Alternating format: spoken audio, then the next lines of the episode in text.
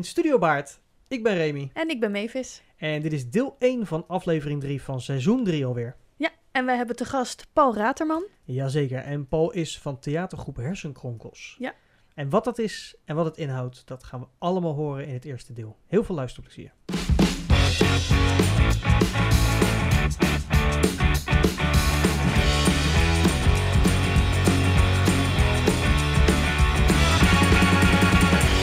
Paul, om te beginnen, welkom in de studio.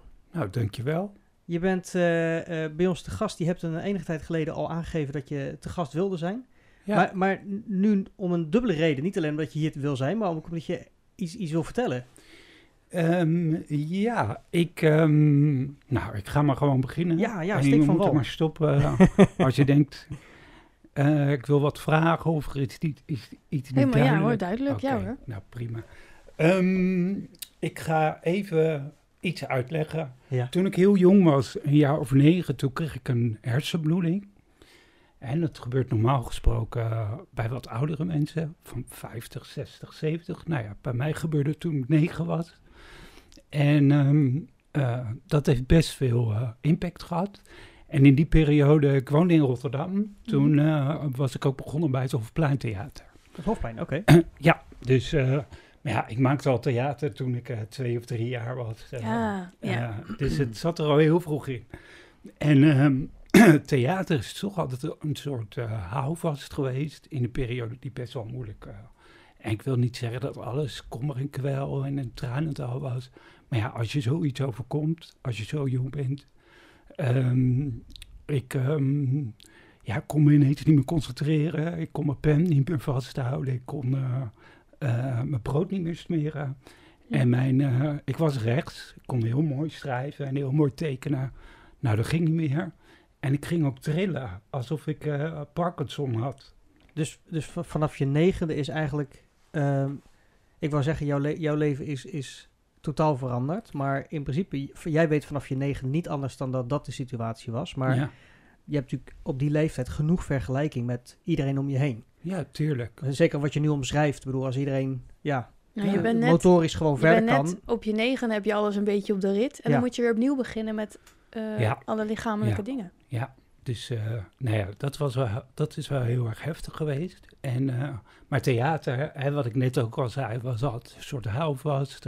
Ja, daar kon ik... eh, ehm, dat was mooi om een bepaalde reden, eh, door die hersenbloeding ook. Maar ja, misschien, ik heb het ook wel eens gelezen van andere mensen die geen eh, handicap of zo hebben, die dat ook zeiden, acteurs of actrices. Met theater is zo mooi dat alles ligt vast. Ja. En in het, in het echte leven, zeg maar, ehm, ja, moet je alles maar ter plekke uitvogelen. Er is geen script en je kan het niet nog een keer doen. En in theater kan het wel. Ja. En daar mag je alles zijn wat je wil, of wat je, wat je in het normale leven niet kan. Of, eh, nou, dus dat is ook wel, eh, ja, dat was heel fijn. En Ja. ik vond eh, het spelen no- nog steeds wel hoor. Ik ben alleen op een gegeven moment meer gaan maken. Oké. Dus, maar ja, ik vertel dit hele verhaal omdat ik nu een, sinds eigenlijk ook alweer anderhalf, twee jaar. maar ja, COVID heeft ertussen gezeten. Ja. Eh, met een groep ben gestart. ehm, heel, ja, mijn eigen ervaring delen eh, met mensen die dat ook hebben. Dus eh, die ook niet aangeboren hersenletsel hebben. ja. Er zitten een aantal binnen de groep in een rolstoel. Sommigen hebben afasie, dus die kunnen niet zo goed praten. Ehm, nou ja, en daar maak ik theater mee. Wauw. Dus, maar ja, vanaf dat ik 10, 11 was, eh, jeugdtheater gedaan. En eh, van alles en nog wat achter de schermen eh, gespeeld. Op een gegeven moment ook gaan eh, regisseren, zelf schrijven. Oké. En mensen hebben eerder tegen mij gezegd, wel vijf, zes keer op verschillende momenten, waarom ga je geen theater maken over wat jou is overkomen? Maar dan vond ik het een beetje ingewikkeld of moeilijk. ja, weet je, je, je moet het zelf ook een plek kunnen geven. En heel lang, Dus je, je vond het niet direct een, een, een- niet per se een gek idee, maar het, het was meer een beetje een onduidelijk. ja, ik Plan. dacht van, eh, hoe moet dat dan? Ja. Of, of ja, waarom? Of eh, op welke manier dan? En er wordt ook best veel theater gemaakt. eh, ja, een beetje oneerbiedig gezegd van dat ego-theater. Mhm. Nou, dat, dat wilde ik helemaal niet. Dus ja, ik moest wat ouder worden en eh, wat meer ervaring. Mhm. En eh, op een gegeven moment ben ik in aanraking gekomen met ehm hersenletsel.nl. Dat is een eh, patiëntenvereniging. Omdat ik zo jong was, dacht ik ook, ja, wat moet ik bij mensen van 60, 70 in een praatgroep? Ja, hebben- jij, jij het al zo, vanaf zo jong had, ja, was je natuurlijk altijd jonger dan alle andere ervaringen. ja eh, daar heb ik gewoon eh, niks te zoeken. Ja. Maar op een gegeven moment wel ehm, eh, ook in therapie geweest. Dat is bij heel veel mensen die hersenletsel overkomt. Ja, op een gegeven moment kom je jezelf zo tegen dat veel mensen worden depressief daarvan. Mm. Dus de- ja, dan, hè, er zijn nog heel veel dingen die uh, alleen al dat, dat eh, dan alleen het stukje lichamelijke eh, wat lastig is of uitdagend. En eh, ik zat in therapie en toen dacht ik, eh, dat is een paar jaar geleden, toen dacht ik, ik wil, ik wil er wel iets meer mee doen, maar wat, dat weet ik nog niet. Mm.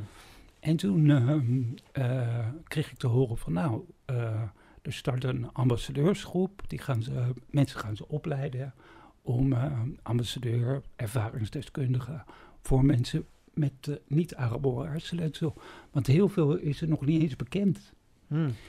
En sinds die tijd ken ik veel meer mensen die het ooit is overkomen. Ja. En van bijna iedereen hoor ik, ik heb het allemaal zelf uit moeten zoeken. Eh, de doktoren in eerste aanleg helpen ze je wel, maar daarna moet je het, ja, Zij hebben toch niet de ervaringen genoeg of de informatie. Ja, het is allemaal versnipperd. Het ligt ook heel erg hè, tegenwoordig eh, hoe de wet in elkaar zit. Elke gemeente kan eh, het zelf bepalen Oh, eh, wat ze doen en hoeveel je vergoed krijgt. En bijvoorbeeld je woont in Ridderkerk en dan verhuis je naar Lekkerkerk.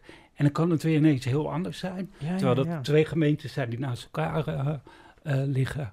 Dus, eh, nou ja, en, van, en toen in die ambassadeursgroepen en in die, in die Ja. trainingsgroepen werd me weer gevraagd... Goh, maak je theater? Waarom ga je geen theater maken hierover? Ja. En toen dacht ik, ja, dat ga ik doen. Toen was het moment daar. Ja, Dat, En- dat, dat idee, dat zat nog steeds in je hoofd. Dat Ja. iemand dat ooit gezegd Ja. hoe, hoe jong was je dan toen het gezegd werd, de eerste nou, keer? Je ongeveer? 16, 17, 18, weet ik veel. Dus dat is altijd toch, toch blijven hangen. Ja, En nu dacht Ja. je, dit is het. ja. Ja, maar nog geen idee hoe of wat. Nee, of, natuurlijk, eh, nee, maar goed. Maar het, het feit dat je op dat moment denkt, dit is Ja. het moment Ja. om ermee te beginnen.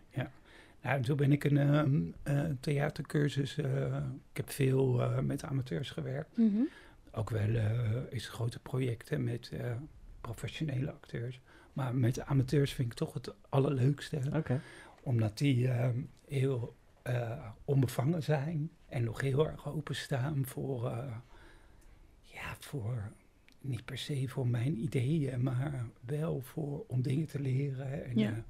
eh, dus dat vond, heb ik altijd heel interessant gevonden, nu bij deze groep ook. En ehm, ehm, wat wilde ik zeggen? Ehm, ja, een eh, cursus gedaan bij Formaat in Rotterdam. Mhm. En die doen, eh, ik weet niet of jullie daar wel eens van gehoord hebben, die doen eh, ervaringstheater, maar ook theater, eh, echt met verschillende maatschappelijk theater. Oké. Ehm, en eh ehm, forumtheater ook. En forumtheater is dat mensen zelf kunnen inspringen op een gegeven moment. En die kunnen ook ja, meedoen met een theaterstuk. Ja, ja. Hè, bijvoorbeeld als je... Maar meer een improvisatie voor. Nee, want je bereidt wel scènes voor. Oh. Maar ja, normaal dan bepaalt eh, degene die het schrijft en de, en de regisseur Mhm. en de acteurs zelf van Mhm. nou, er gaat dit gebeuren. En als dat gebeurt, dan maakt hij die keuze en dan gaat hij er zo mee om. Nou, in, met vormtheater maak je, heb je een soort schakelpunt waar normaal gesproken een keuze wordt gemaakt. Dan stop je de scène en dan vraag je aan het publiek... eh, wat denk je dat hier, wat, wat zou jij Oh, doen ja, ja, in deze Ja. situatie? Oh, ja. En dan nodig je ze uit om mee te gaan doen. Mm. Wow, oké. En toen dacht ik, en dit is de manier, niet dit, dit principe hoor, we- dat wil ik in de toekomst wel gaan doen als deze groep blijft bestaan. ehm, eh, en eh, het lijkt me ook heel interessant hè, om bijvoorbeeld een zaal vol te hebben met eh, ja, mensen die in de sector werken. Dus die Ja. arts zijn, verpleegkundigen of, of, eh, eh, en mensen die, die het zelf overkomen is. Hè, die, die Dus zelf inderdaad niet een zaal met ervaringsdeskundigen op verschillende vlakken. Ja, ja. Maar ook, eh, ja, oneerbiedig gezegd patiënten. Mhm. En dan dat je, want dat theater is echt bedoeld om maatschappelijke veranderingen tot stand te brengen. En om dan eh, mensen van elkaar te kunnen laten leren. Maar daar heb ik wel heel veel oefeningen geleerd. En eh, hoe je vanuit het niets, ja, inmiddels had ik daar ook wel ervaring in. Maar dan was het toch altijd vanuit het script. En ik dacht toch wel van, ik wil echt met de ervaring van mensen zelf een voorstelling gaan maken. En niet zozeer een script. Uiteindelijk is dat wel, wel gekomen natuurlijk. Ja. Maar eh, ja, dat is echt in samenwerking met spelers gegaan. Dus door die cursus bij formaat dacht ik, ja, op deze manier. eh, Zo Ga ik dat voor doen? je. Ja. En eh, eh, toen had ik een groep vanuit de patiëntenvereniging, ook hersenletsel. Een aantal mensen die ik kende, die ambassadeur zijn. En ja, veel contacten wel. Dat maar- helpt. ja, Ja, maar ook wel contacten van, van mezelf. Dus ik geloof dat de eerste bijeenkomst, dat is inmiddels alweer twee jaar geleden, waren er eh, nou, 18 of 19 mensen. Toen dacht ik, mijn god, wat een grote groep. Hoe moet ik ooit in godsnaam met zo'n grote groep eh, Ja. eh, iets, iets een voorstelling gaan maken? Binnen vijf minuten was iedereen gewend. En binnen een kwartier stond iedereen te spelen. Dus toen, ja, dat dacht ik ook. Ja. Wauw. En natuurlijk had ik dat goed voorbereid. Maar wat ik heel interessant vond was... eh, ja, dat mensen, omdat, ze- omdat die allemaal hetzelfde is overkomen... omdat ze bijna allemaal de ervaring hebben... Ik ben nooit echt op mijn plek gekomen. Of op, op, ik zou graag wat, wat terug willen doen eh, na alle hulp die ik heb Mhm. gehad. Of ik wil wat meer duidelijkheid scheppen in eh, wat is het nou precies om eh, met eh, niet aangeboren hersenletsel te leven. Nou, en vooral dat is zo'n verbindende sterke factor. Dat eh, die eerste groep, maar ook de groep die over is gebleven. Een aantal nieuwe mensen zijn erbij gekomen. Maar toen kwam COVID, toen Mhm. mo- moesten we stoppen. Toen heb ik een jaar moeten wachten voordat de volgende, dat was vorig jaar in september. En toen zijn we vier keer bij elkaar gekomen. En de vijfde keer hadden we een presentatie. En ook omdat er toen nog, toen nog veel maatregelen waren. Ja, geen grote zaal waarschijnlijk. Nee, eh, eh, we eh, in dezelfde zaal als waar we nu gaan eh, spelen. Alleen nu eh, kunnen er 100 mensen in en toen eh 25 of 30 Ja. of zo. Oké. Dus, eh, maar ja, gelijk, al die spelers hartstikke enthousiast. En, en de mensen die het gezien hebben, die, ja, die hadden ik eigenlijk ook helemaal niet gedacht. eh, die waren zo onder de indruk. Wat was de, de, want er is een website neem ik aan. Ja, Wat is de website? ehm, nou, het is een hele mond vol. Ja. www.theatergroephersenkronkels.nl Oké. Dat is de website. Dus, nee, maar dat is natuurlijk handig als- als mensen nu interesse hebben Ja. om, voor zichzelf of voor anderen of om Ja. gewoon te komen kijken, Ja. dan is dat natuurlijk eh, is dat heel erg Ja. praktisch. Voordat we verder gaan eh, eh, over, over het heden. even een slokje. Ja, natuurlijk. Ehm, ik ben heel benieuwd, want je, je, je, je, je sneakt er ergens tussendoor dat je, eh, dat je al vanaf je tweede eh, eh, theater speelt, doet, Ja, maakt. Hè? Zodat, ja. dat- ik denk dat ik wel een idee heb van hoe dat, hoe dat er ongeveer uitzag, maar hoe begon dat dan? Ja, met, eh, kijk, dat weet ik niet meer, maar wel van eh, foto's. eh, Ja. ik, had, ik liep altijd met lappen om en dan maakte ik een, eh, een mantel of een jurk, weet ik veel De wat. verkleedkist uh, Ja. jezelf. Ja. En dan, eh, dan ging ik optreden. En ook op verjaardagen moest ik altijd optreden met een hoed op. Ja. En, eh, met de duster van mijn moeder of mijn vader die over de grond sleepte. En dan eh, ging ik het nummer playback, eh, dat soort dingen. ja, dus ja. echt al wel een beetje de, de show, de eh, showman skills. ja. Nou ja, dat, dat, Ja. eh, ik- ja, leuk. Ja. voor mij zijn er ook dat soort beelden, dus ik, ik ken dat. Van mij gelukkig Ja. niet. En op een gegeven moment zat mijn moeder eh, op schoolbank.nl. Ik weet niet Oh of ja, jullie ja, dat kennen. is dat. Oh ja, van je En toen oude dacht ik, nou, toch? Ja. Ik kijk voor me, ik tik mijn eigen naam ook even in voor de lol. En niemand zal me wel herinneren. Of, eh, nou, en toen zag ik best veel, of veel, eh, nou ja, toch wel een aardige wat berichtjes. Ja, ik zou willen weten hoe het met Paul is. ja. En die eh, op de lagere school, en ik was dat alweer vergeten, die had iedere maand minimaal één keer alle stoere jongetjes in de poppenhoek. En dan verzon hij een verhaal en dan ging Oh, ja, iedereen ja. meespelen. Oh, Nou, dat was ik alweer vergeten. Maar toen dacht ik, oh, ja, goed. oh, oké. Dus jij, jij vertelde verhalen voor je klas. Ah, je speelde ja, verhalen. of ik, de- ik verzon een verhaaltje en dan ging iedereen dat eh, meespelen. Ja. Zoiets. Dus de- wauw, je bent de jongste theatermaker die we te gast hebben Ja, gehad. dat denk ik wel, ja. Ja, inmiddels eh, niet meer zo jong, hè?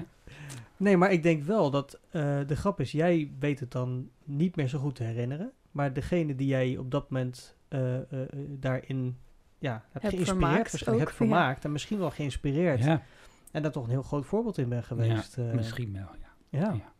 Want dus je, je, je, was altijd op zoek naar theater. Vo- Voordat je eh, de hersenbloeding kreeg, had je toen al, eh, deed je toen al theater? Ja, eh, het Hofpleintheater. Oh, dat was daarvoor, ja, Ja. precies. Ja. Ja. En, Ik denk dat ik in één productie daar heb gezeten, de eerste. En toen kreeg ik de hersenbloeding. En toen, tot mijn zestiende of zo, heb ik daar wel gezeten. ja, precies. Je bent wel gelijk door blijven gaan met theater. Ja, Kun, Ja, je, kun, je, kun je een stukje delen met, met waar de, de, een frustratie zich voordeed dan voor jou? Want je omschreef net een aantal eh, eh, Ja. dingen die natuurlijk... Nou ja, mijn Verslechteren? re- rechterhand en arm eh bibberden alsof ik Parkinson had. Daar werd ik helemaal gek van. En alleen, ik kon het alleen vergeten en loslaten. Dat bibberde nog wel, soms zelfs niet, omdat ik dan zo bezig was dat ik dat vergat. Ja. Ehm, maar ja, ik ben ook wel eens met griep op het theater, op het toneel gegaan. En dan, terwijl je aan het spelen bent, heb je nergens last van. Ja. Ja. En dan kom je naar En achter. dan ben je eh, dat- en dan ben je ja, en het snot uit je neus. Ja, en, ja, eh, ja. Maar dan sta je op het toneel en dan is er niks aan de hand. Dus eh, ja. Eh, ja. Maar was er niet een moment dat je dacht, oh, nu knapt mijn droom? Ik kan het niet meer? Of Eh, ja, dat heb ik heel erg eh, sterk gehad. Ik heb ook, ehm, eh, ik kon me heel slecht concentreren op school. Dus verschillende middelbare scholen van binnen gezien. En ehm, toen ik 18 werd, auditie gedaan Hm. op de toneelschool in Amsterdam.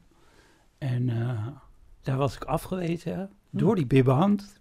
En dat Eh, oh, wist eh, ik ook omdat... daadwerkelijk. Ja, dat wist ik omdat een jongen die ehm, bij mij op het Hofplein had gezeten, die zat, die zat er al. En die zat in die eh, toelatingscommissie. ah, En die Oh. heb ik toen, eh, dat wilde hij eerst niet zeggen, maar eh, flink...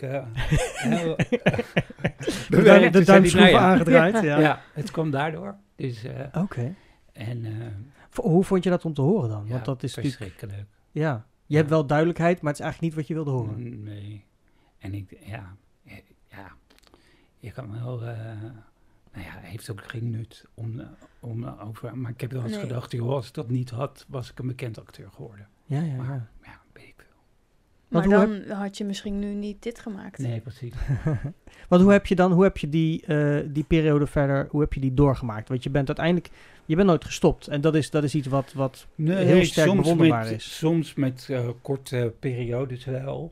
En, eh, maar dan kwam ik er toch altijd weer op de een of andere manier bij terug. ja. Ehm, en eh, ja, ook een tijd eh, optredens gedaan, theateroptredens. ehm, op verjaardagen, maar ook wel op openingen in festivals. Wat, wat, wat voor voorstellingen kun je zo voor je halen? Nee, er waren geen voorstellingen. Bijvoorbeeld voor de Wat raad, voor- wat voor optredens raad, dan? Raad van ja. de Kinderbescherming. Oké. En dan ja, draaiden we iets in elkaar, soms op rijm of wat dan klopte bij, eh, bij dat evenement. En dan, eh, ja, dat soort dingen. Nou, en toen op een gegeven moment dacht ik, eh, goh, dat heb ik nu een paar jaar gedaan. Moet ik daarmee doorgaan tot ik 40 ben? Toen dacht ik nee. En toen was ik betrokken bij een, eh, eh, een theatergroep, amateurtheatergroep in Rotterdam ook. maar daar deed ik ehm, eh, marketing en een stukje productie. En eh, voor één project eh, wist ik dat daar een onderdeel was om een eh, verschillende leden van die, van die groep, die kregen dan een soort mini-training van een paar maanden om theater te gaan maken. En toen zei ik, joh, tegen Julina, joh, kan ik daar aan meedoen? Toen zei ze, ja, tuurlijk. Ik zeg, ja, is dat niet gek omdat ik al bij betrokken ben? Nee, dat maakt niet uit. En ehm, eh, die voorstelling was, misschien kennen jullie dat wel, de voorstelling 2 van eh. Jim Cartwright. Nee. Ehm, en eh, dat gaat over een kroeg in, een, in een oude Londense of Engelse Mhm. eh, volkswijk. En eh, eh, twee mensen, een man en een vrouw, en die hebben een, een soort geheim. En eh, er komen allemaal eh, eh, gasten in die kroeg. En die hebben ook allemaal een verhaal. En een van die twee gaat, gaat telkens af en die komt dan terug als gast. Dus ja, daarom heet het ook twee, zeg maar. Ja. Ehm, en eh, nou, toen heb, heb ik geloof ik dat voorgesteld van... eh, eh, want dat was dan het idee om in de pauze... eh, het ging dan over, over verhalen, over Mhm. verhalen van die mensen in de kroeg. En eh eh, zeiden van, nou, deze buurt kent ook heel veel verhalen. En u gaat eh, eh, de buurt verkennen. En u komt een aantal verhalen tegen. Dat was een beetje eh, hoe wij het eh, nou ja, bedacht hadden en, Mhm. en vertelden tegen het publiek. Dus, eh, en een van die eh, voorstellingen heb ik gemaakt. En dat was een concept wat ik eh, aangeleverd, wat we aangeleverd hebben gekregen. En daar heb ik toch mijn eigen verhaal van gemaakt. En het ging over een eh, oude vrouw die ehm, in haar, eh, dat heb ik er dus van gemaakt, in haar bruidsjurk woonde. En die bruidsjurk had ze nooit aangehad, want haar man was een week voor de trouwerij overleden.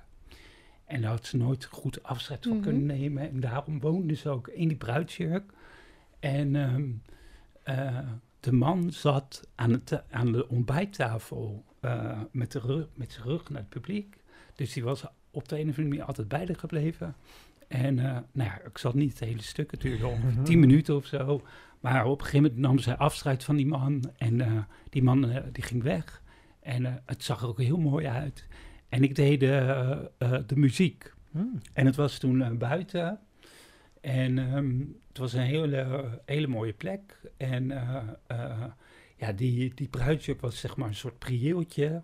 En eh, eh, gewoon van PVC, eh, plastic, maar met Zag die stof eroverheen. zag het er ja. fantastisch uit. En ook een heel mooi, schattig, dromerig ontbijttafel setje.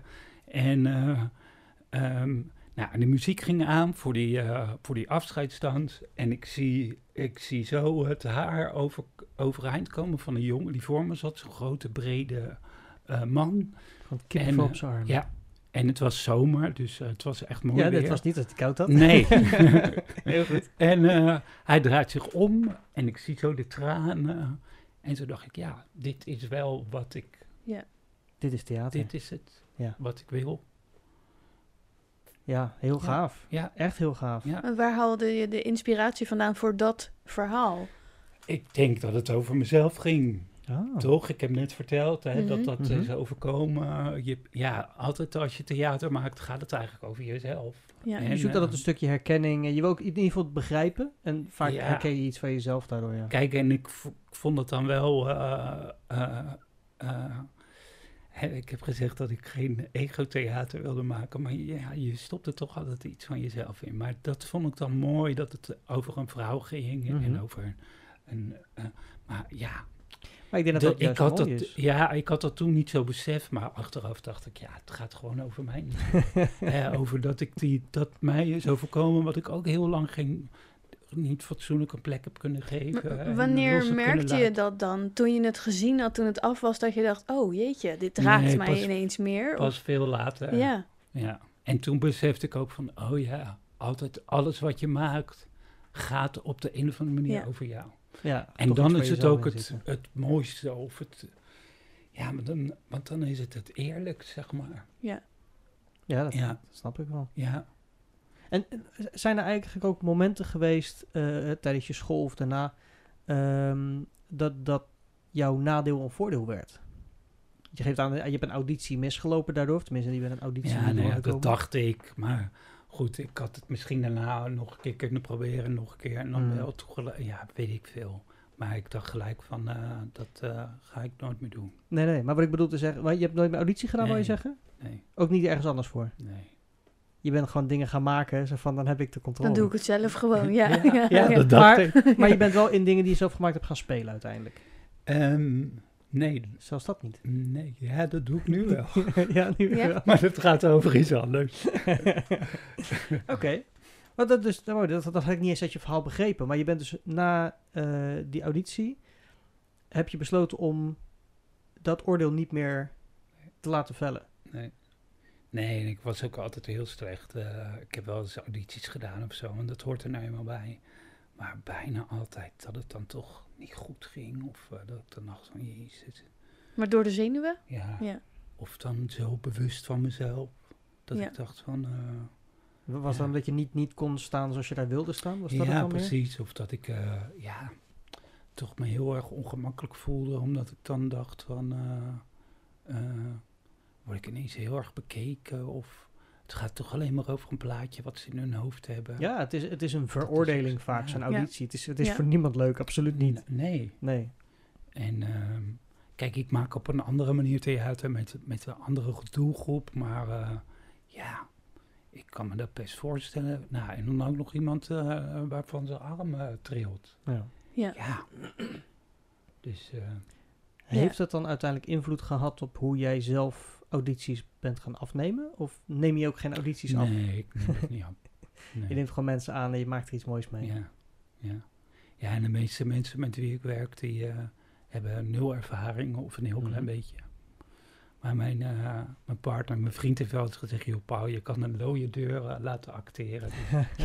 Wauw. Die staat wel vol achter je dan, begrijp ik. ja. Want de mensen die bij jou eh, die meedoen, eh, zijn dat alleen maar mensen die een, eh, een hersenafwijking hebben? Of Ja. tenminste, ja, ja. Ja. hersenafwijking. eh, het, het heet niet uh, aangeboren hersenletsel. nee. En dus dan is er iets mis in je, in je hoofd. En dat kan eh, cognitief zijn, of dat kan ja, op je spraak, eh, of dat je je geheugen een beetje kwijt bent. Of eh, dat hoe, je. hoe, kan, hoe kan iemand zoiets oplopen? Ja, bij mij is het in mijn slaap gebeurd. Ja. Dus het kan op. eh, op- een, een natuurlijk verschijnsel zo Nou ja, gezegd, eh, hersenbloeding is vaak een propje natuurlijk wat dan... ja, eh, precies. wegschiet. Maar het, het komt ook voor bij mensen die. ehm, hè, d- ik heb bijvoorbeeld twee vrouwen ehm, eh, in de groep. eh, ehm, ik zit even ge- gelijk na te denken hoor. Eén door een ongeluk, ja. door een fietsongeluk. hm, ja. fiets- En de, Ja. ja. en de ander had, een, had iets lulligs en daarvoor werd ze geopereerd. En toen kreeg ze een eh, eh, bijwerkingen en uiteindelijk een of andere bacterie. Oh. En dat heeft ook hersenletsel Wauw, veroorzaakt. als gevolg op. Ja, ja, ja. En dat heeft natuurlijk... Ja, ik weet niet... En, eh, en een andere jongen die ehm, ehm, vertelt dat ook in de voorstelling. Die eh, zei tegen zijn collega, je moet uitkijken hoor, want die eh, dranger is van die deur af. Nou, er was een stalen deur. En eh, hij krijgt prompt die deur tegen zijn hoofd. En hij is nog naar huis gereden met de auto en hij dacht wel van, ja, ik zie een beetje sterretjes. Mhm. En eh, de volgende dag werd hij wakker en toen dacht hij, dat is foute boel. Ja, Ja, dus het, het, maar het is echt iets wat natuurlijk... Wat, wat iedereen kan overkomen. Iedereen kan het overkomen. Ja. Dus je Ja. hebt ook gemixte leeftijden wel. Ja, ik denk dat de jongste een jaar of mm, 38, 40 is. En de oudste is eh, halverwege de 70. Oké. Ja. En zijn er mensen die dan... Hou je er rekening mee dat sommigen inderdaad heel erg moeite hebben met leren... dat die bijvoorbeeld minder tekst krijgen of op een andere manier? Want ik kan me voorstellen, dat is ook pittig, eh, Ja, teksten leren... eh, Ja. als je geheugen niet mee wil werken. nee, precies. En, maar ja, we hebben toch ehm, eh, vrij lang eh, eraan gewerkt. Vorig jaar eh, die korte presentatie, Mhm. wat ik eh, vertelde, waar iedereen zo enthousiast over was. Zowel de spelers als het publiek. Ehm, en toen heb ik gevraagd, van, nou, waar willen jullie de voorstelling over maken? En ehm, ik had wel een beetje ideeën daarover natuurlijk, maar ik wilde het echt samen met, met de spelers gaan maken. En dus ja, zij hebben ook dat idee aangedragen. Zo van nou, toch over de, eh, de niet zozeer de zichtbare gevolgen. Hè, want als je dat overkomt, ja, als je eh, een beetje moeilijk loopt of je zit in een rolstoel of je, of je kan niet zo goed praten, nou, dat is allemaal Dat zichtbaar. merken mensen, ja. Maar er is ook heel veel wat gewoon niet zichtbaar is Mhm. en wat heel lastig is. En wat uit eh, wat werksituaties, maar ook met familie, met de relatie en met, met je kinderen.